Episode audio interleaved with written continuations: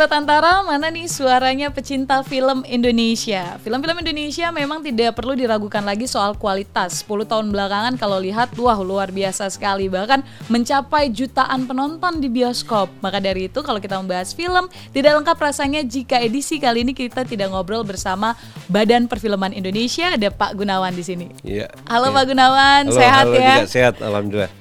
Semoga juga sehat pertumbuhan perfilman Indonesia. Amin. Amin. Tapi memang seperti apa nih Pak perfilman Indonesia saat ini?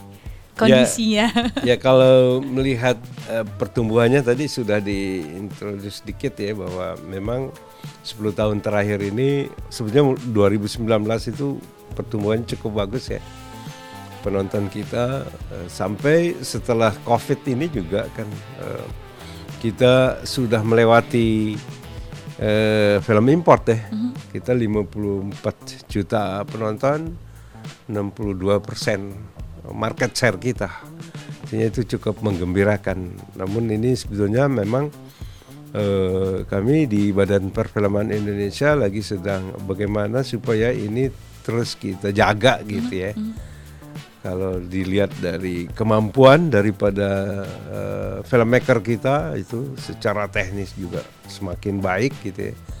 Dan memang kalau melihat teman-teman ini juga kan uh, pendidikannya juga ya banyak teman-teman yang juga sudah uh, menempuh pendidikan dari luar gitu. Artinya referensinya juga pasti sudah semakin banyak. Yeah. Nah, ini mungkin karena BPI sendiri ada di antara film dan juga pemerintah. Mungkin banyak sobat antara yang masih belum paham nih tentang tupoksi apa saja sebenarnya BPI ada yeah. dan hadir gitu di tengah-tengah insan perfilman. Atau seperti apa sebenarnya, Pak? Ya, jadi gini. Uh, sebelum ada BP itu ada dulu badan uh, apa uh, BP2N ya, Badan Pertimbangan Perfilman Nasional kita. Kemudian dirubah di undang-undang perfilman kita yang uh, nomor 33 tahun 2009 itu dirubah menjadi Badan Perfilman Indonesia. Nah, tugasnya sangat berbeda gitu karena ini BP ini sangat mandiri gitu ya. Betul-betul mandiri. Uh, saya pun sebagai ketua umum ataupun pengurusnya itu dipilih oleh uh, seluruh stakeholders. Sekarang kita ada jadi ini amanat undang-undang bahwa agar uh, peran masyarakat ya. Peran masyarakat ini bisa semakin efektif maka dibentuklah BPI mm-hmm. nah itu makanya tadi betul bahwa ini akan eh, BPI itu menjadi apa namanya perantara antara kebutuhan masyarakatnya dan uh, apa yang harus dilakukan oleh negara artinya pemerintah gitu ya makanya dibentuklah BPI berdasarkan uh, kongres ya berdasarkan kesepakatan dari seluruh stakeholders sekarang stakeholders uh, yang terregistrasi di BP itu ada sekitar 62 asosiasi terdiri dari empat unsur. Okay. Ada unsur pendidikan, unsur uh, profesi, terus unsur uh, usaha dan komunitas. Nah ini empat unsur inilah yang terus memberikan masukan-masukan kebutuhan ke, ke apa kebutuhan-kebutuhannya apa untuk disampaikan ke pemerintah oleh eh, Badan Perfilman Indonesia. Itu okay. sebetulnya. Uh, ini juga saya tertariknya adalah ketika peranan BPI ini sebagai penjembatan tadi antara yeah. unsur-unsur perfilman dan juga pemerintah hmm. dan juga masyarakat tentu yeah, saja. Betul. Nah, bagaimana sebenarnya kalau BPI melihat ketiga elemen itu, Pak? Jadi maksudnya ketika sekarang ini para para insan perfilman bisa membuat kualitas yang yeah. bagus, otomatis membawa dampak positif juga. Itu seperti yeah. apa?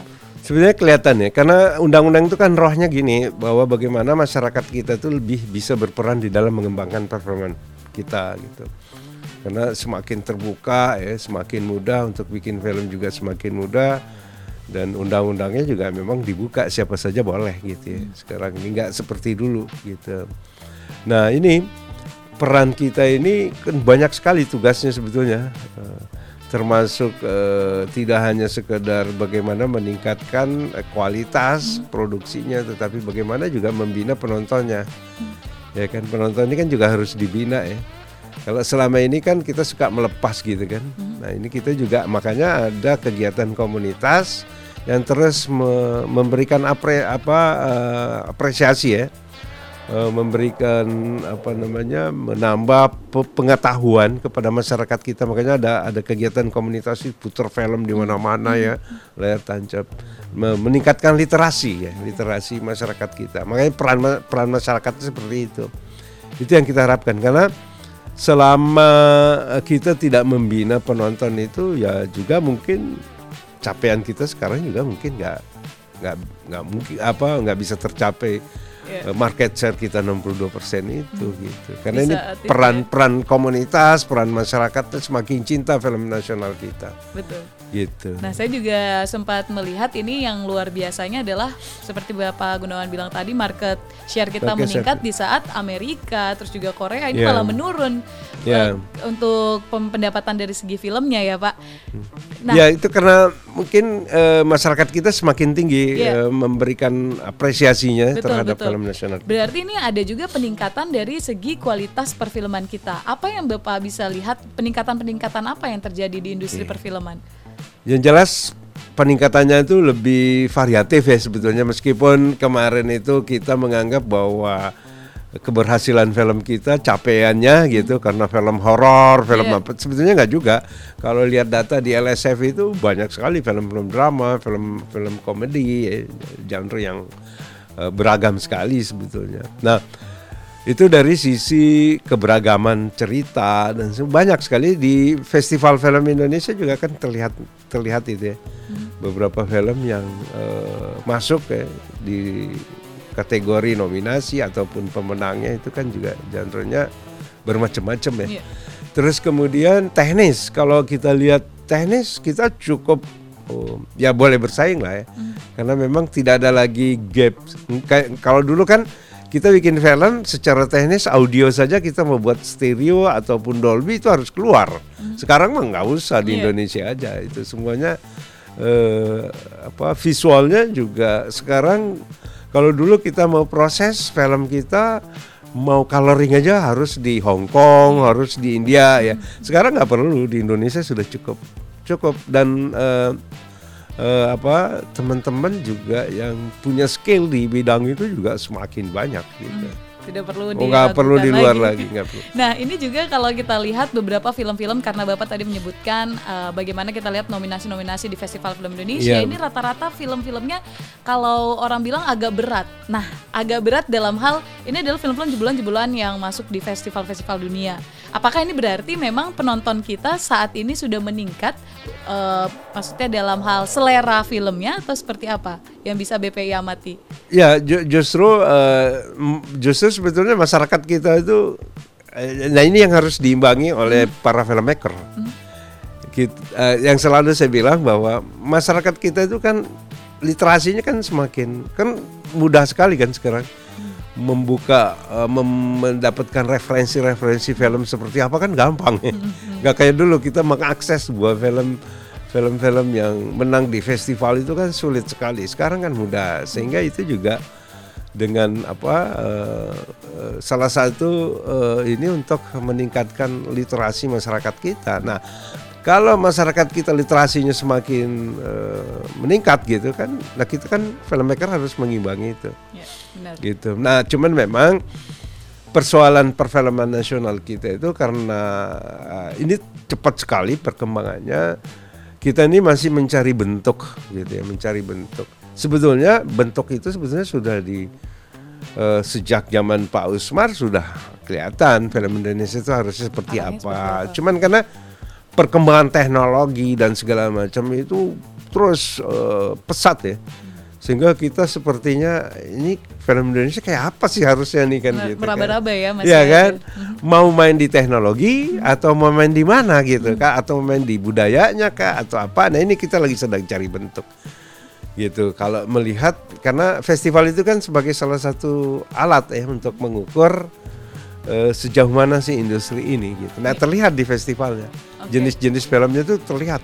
Dan itu bisa hmm. dibilang juga bagaimana penonton itu ya, ya, ya, apa ya, betul, ya kategori-kategori penonton. Itu bisa terlihat itu. Baik. Nah ini ada satu yang menarik adalah ketika pada bulan lalu eh, beberapa hmm. bulan lalu terkait tentang Hari Film Nasional, yeah. salah satu kegiatan yang diadakan oleh BPI adalah tentang uh, semacam festival itu mengangkat konferensi, tema konferensi. Iya, konferensi mengangkat tema profiling industri film Indonesia bercermin pada masa lalu dan merencanakan masa depan. Ini sebenarnya apa yang melatar belakangi, yeah. Pak? Temanya menarik sekali karena yeah. ada unsur masa lalu terus juga masa depan. Berarti apakah BPI sendiri sudah bisa melakukan pemetaan atau bagaimana ini? Ya itu. Jadi selama setahun ini kami memang melakukan pemetaan. Hmm. Itu tadi yang melatar belakangi melihat festival, melihat dan segala macamnya itu perkembangan teknologinya semakin kita semakin kita kuasai, cuman kan beragamnya sehingga eh, yang tadi yang saya bilang itu yang melatarnya adalah bahwa kita lagi sedang mencari bentuk. Mm -hmm. Makanya tadi saya bilang sebetulnya Pak Usmar sudah memberikan bentuknya. Hmm. Tapi apakah selama perjalanan bentuk-bentuk itu sudah mulai terlihat dari ya, amat pengamatan BPI atau? Sa sangat sebetulnya bisa terlihat. Tinggal lagi kita sebetulnya. Nah ini perlu kita jembatani ke pemerintah uh, kita ini mau mengarahkan berharap film Indonesia itu seperti apa sih sebetulnya? Sehingga apa pun kegiatan pemerintah sebaiknya fokus di situ. Pembinaan SDM-nya umpamanya. Apa yang kayak gini mau melihat film sebagai uh, alat ekspresi ya, budaya atau mau melihat film sebagai komoditi itu berbeda sekali. Ya kan? Iya iya iya. Apalagi film sekarang diampul oleh dua-dua kementerian Kementerian Pendidikan dan Kebudayaan itu pasti melihatnya film sebagai uh, budaya ya, edukasi. edukasi dan segala macam. Tapi kalau di Kemenparekraf 17 subsektor itu film sebagai salah satu subsektor. Itu pasti melihatnya film sebagai komoditi. Hmm, yeah. Ya, ini kan dua hal. Nah, ini perlu dipertemukan dan menurut kami makanya kami membuat konferensi kemarin judulnya profiling. Hmm wajah kita tuh seperti apa sih gitu. Karena masih menerkan. Ya, ini wajahnya ya. harus dirumuskan betul, dipetakan berdasarkan pemetaan sehingga kita bisa oh ternyata tuh uh, nah akhir-akhirnya nanti harapannya ini dari sejak zaman dulu sampai sekarang kita belum pernah membuat yang namanya master plan. Oke, terkait perfilman. Terkait perfilman. Master plan kita tuh ingin 25 tahun ke depan industri ini seperti apa. Kita tidak bisa lagi menghindar dari itu. Kita tidak bisa lagi pemerintah melepas uh, filmmaker ataupun pelaku industrinya jalan sendiri. Selama ini itu seperti itu. Makanya suka muncul di teman-teman eh, pelaku industri itu kami diurus negara atau tidak sama saja. Gitu. Ya, nah ini sekarang tidak boleh ya. sebetulnya. Ya. Harusnya sudah punya kita punya uh, apa master plan arahnya mau ke mana nih industri ini 25 tahun ke depan 50 tahun ke depan. Kalau enggak kita akan uh, apa uh, dilewatin apa di apa uh, nggak bisa mengejar dengan negara-negara lain. Tapi sama seperti Korea. Korea itu punya master plan yang jelas salah satu contohnya mungkin Korea. Berarti Korea kalau kita ber, berkaca lah pada hmm. negara masih di Asia juga, hmm. Korea itu punya master plan yang jelas untuk perfilman seperti iya, apa? punya. Dia meng, me, apa mendesain industri mereka itu enggak enggak ujuk-ujuk tahu-tahu sekarang muncul gitu enggak itu 10 tahun yang lalu dia sudah desain. Oke, bahkan terbukti oh, ketika desain. bisa membawa pulang Oscar yeah. ya sebagai oh, Iya, dia udah desain betul gitu. Nah, kita tuh yang saya maksud master plan itu di undang-undang sebetulnya itu diamanatkan bahwa pemerintah sebaiknya eh, pemerintah harus membuat namanya rancangan induk perfilman nasional. Sehingga siapa pun kayak ini contohnya. Uh, saya keliling ke daerah gitu ya. Eh, bagaimana perizinan itu susahnya. Karena memang di Undang-Undang Otonomi Daerah dia tidak bertanggung jawab di dalam mengembangkan perfilman nasional kita. Hmm. Nah, betapa sulitnya itu kalau tidak dibenahi, artinya tidak dibuat rancangan induknya, bagaimana keterlibatan pemerintah daerah harusnya mengurus film. Kenapa? Karena akan berkaitan dengan penonton, di bagaimana membina penonton, bagaimana membina komunitasnya, ya kan? Hmm supaya ini terus bergiat. Kalau semuanya itu diserahkan ke pemerintah pusat, kapan selesai? Iya, iya. Karena seperti bahwa terlalu luas negara kita kan iya. terlalu luas.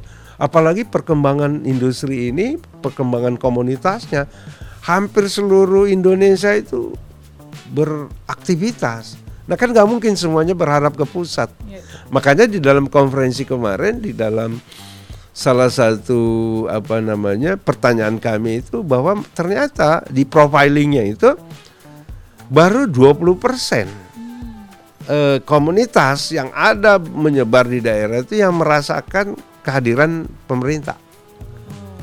Karena memang nggak mungkin. Terlalu luas ya, kita. aksesnya juga oh, luas sekali. Nggak mungkin pemerintah juga bisa. Nah makanya dibutuhkan eh, kehadiran pemerintah daerah gitu untuk bisa memfasilitasi mereka. Nah itu bisa kalau ada rancangan induk perfilman kita. Siapa yang bertugas apa nah itu yang profilingnya seperti itu. Siapa yang harus mengerjakan apa gitu ya. Nah kalau itu yang saya, saya kemarin nyampaikan bahwa kalau ini uh, ada gitu kita lima tahun mungkin 10 tahun ke depan kita akan menguasai Asia Tenggara. Karena kita punya infrastruktur cukup. Market kita cukup. Hmm. gitu. Market kita cukup. Kita lagi sedang dikejar-kejar yang oleh beberapa negara yang dikomandoi oleh Korea gitu kan. Hmm. untuk uh, agar uh, bisa merebut pasar kita. Asia Tenggara penduduknya 500 juta kita 200 setengahnya gitu nah ini uh, kalau kita membahas industri film memang ternyata banyak dan masih luas sekali cakupannya oh, dan masih menjadi PR juga bagaimana adanya peranan dari pemerintah-pemerintah hmm. daerah ya untuk mengembangkan potensi-potensi yang ada yeah. di ya. daerahnya terkait perfilman. Yeah. Dan ini yang yang harus disadari betul bersama ya, hmm. dihadari betul bersama bahwa film itu multiplayer efeknya sangat dahsyat. Bisa menciptakan lapangan kerja cukup luas. Ya apalagi kalau kita kembangkan di beberapa daerah yang memang memiliki uh, potensi yang cukup baik mau pariwisatanya kah atau apakah artinya pemerintah bisa meningkatkan uh, film itu bisa berkontribusi terhadap uh, apa AP, APBD ya mm-hmm. itu bisa gitu dan bisa menciptakan lapangan kerja ya. cukup besar um, apalagi sekarang ini uh, tidak lagi kita film itu tidak bisa lagi dilihat hanya untuk di teater ya kan banyak uh, muncul uh, apa dengan adanya internet kan yeah. banyak sekali OTT gitu. OTT, OTT, OTT itu itu membutuhkan dan itu kalau di ini apa serapan tenaga kerja cukup tinggi yeah. multiplier efeknya dan ekonomi di daerah itu juga bisa Berarti bisa dibilang ketika perfilman itu maju, maka perekonomian juga perekonomian akan meningkat, itu bisa di daerah-daerah. Kita lihat di kalau uh, perspektif kita di ekonomi ya, mm -hmm. 17 subsektor itu film jadi lokomotif. Yeah. Mau ngomong, mau bicara subsektor fashion, fashion, kuliner, kriya, musik, animasi semuanya di film. Yeah. Yeah. Bisa jadi lokomotif gerbongnya ini 16 subsektor. Betul. Ini menarik sekali obrolan bersama Pak Gunawan. Tapi mungkin Pak e, kalau kita lihat juga nih karena kita membahas juga tentang festival, hmm. peranan BPI yeah. juga bagaimana terhadap festival itu mendukung festival-festival yang ada sampai ke luar okay. negeri. Nah kalau kita compare nih dengan festival di luar negeri, film-film Indonesia tentu saja berkualitas dan siap saing kan Pak? Ya banyak yang sudah mendapatkan penghargaan ya secara kualitas, secara cerita dan lain-lain lain arti teknis dan maupun artistiknya itu sudah da banyak dapat penghargaan fe eh, di festival festival negeri. Nah, saya sebetulnya pengen bicara tentang festival dalam negeri. yang se yang sekarang kita lagi sedang coba kemarin di konferensi itu ada forum juga, forum festival namanya. Untuk melihat festival kita ada uh, yang terregistrasi itu ada sekitar 70 festival di seluruh Indonesia. Cuman permasalahannya ini masih di antara 70 festival itu eh, warnanya tuh sama. Sebentar Pak, berarti ada 70 festival ada, di dalam ada. negeri saja. Banyak sekali festival okay. di Indonesia itu. Cuman semuanya tuh kok sama gitu, nggak ada yang istilah kita tuh bahwa eh, tidak ada pembeda antara festival yang satu dengan festival yang lain gitu ya. Nah ini kalau bisa kita benahi antara satu dengan yang lain punya punya perbedaan, punya unique selling pointnya ada, itu akan kaya sekali. Gitu. Dan kesadaran teman-teman juga melihat festival itu baru berupa kompetisi, hmm. belum festif. Gitu ya. Seharusnya sebaiknya bukan ya, seharusnya idealnya, idealnya ya, sebaiknya idealnya. festival itu juga bisa mendorong uh, apa kegiatan-kegiatan lain di daerah di mana festival itu dilaksanakan. Mendatangkan wisatawan atau apalah segala macam. Ataupun meningkatkan uh, apa kegiatan ke, ada beberapa sih sebetulnya kayak di teman-teman di Purbalingga itu bikin festival bioskop keliling itu meningkatkan uh, apa memberdayakan masyarakat. Karena setiap kegiatannya itu bisa berkumpul sekian ribu orang orang buka warung buka apa itu kan menarik gitu okay. ada ada beberapa yang ternyata ya, berdampak ya. terhadap ekonomi rakyat Oke, tapi kalau misalnya kita lihat yang beragam tadi, apakah hmm. ada pembinaan lebih lanjut untuk uh, bagaimana ya membuatnya lebih bervariasi? Atau nah, bagaimana? itu yang salah satu yang lagi sedang BPI usahakan bagaimana kalendernya itu juga diatur. Hmm.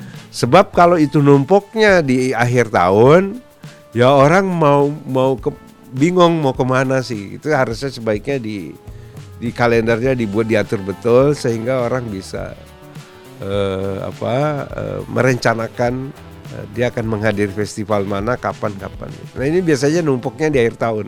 Oke, makanya jadi mungkin karena mungkin karena juga ter, sangat terpengaruh oleh anggaran yang yeah. suka support dari pemerintah ya. okay. Biasanya di akhir tahun. Iya. Tapi kalau uh, sebagai Bapak sendiri di BPI melihat bagaimana kontribusi pemerintah selain adanya support dana, itu apalagi yang biasanya didapatkan oleh teman-teman insan perfilman?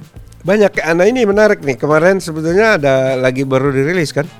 17 US juta eh, 17 juta US dollar mm -hmm. dirilis oleh Mas Menteri yeah. eh, Pak Nadim uh, menggelontorkan 17 juta dolar kalau nggak salah untuk pengembangan perfilman hmm. gitu. Nah itu sebetulnya salah satunya adalah melakukan pembinaan apa bukan untuk produksi, yeah, yeah. bukan untuk apa. Kayak ada banyak program-program di Kemendikbud itu meningkatkan SDM, ada banyak workshop membantu apa pembuatan film apa dan segala macam. Ada sih beberapa kegiatan gitu. Jadi memang kalau pemerintah tuh saya lihat cukup uh, punya perhatian termasuk Kemenparekraf. Kemenparekraf juga kan kemarin ada pen, ada apa segala macam dan terus melakukan uh, saya baru pulang dari Malang itu bagaimana uh, teman-teman itu tidak lagi mencoba diarahkan bagaimana bisa berwirausaha.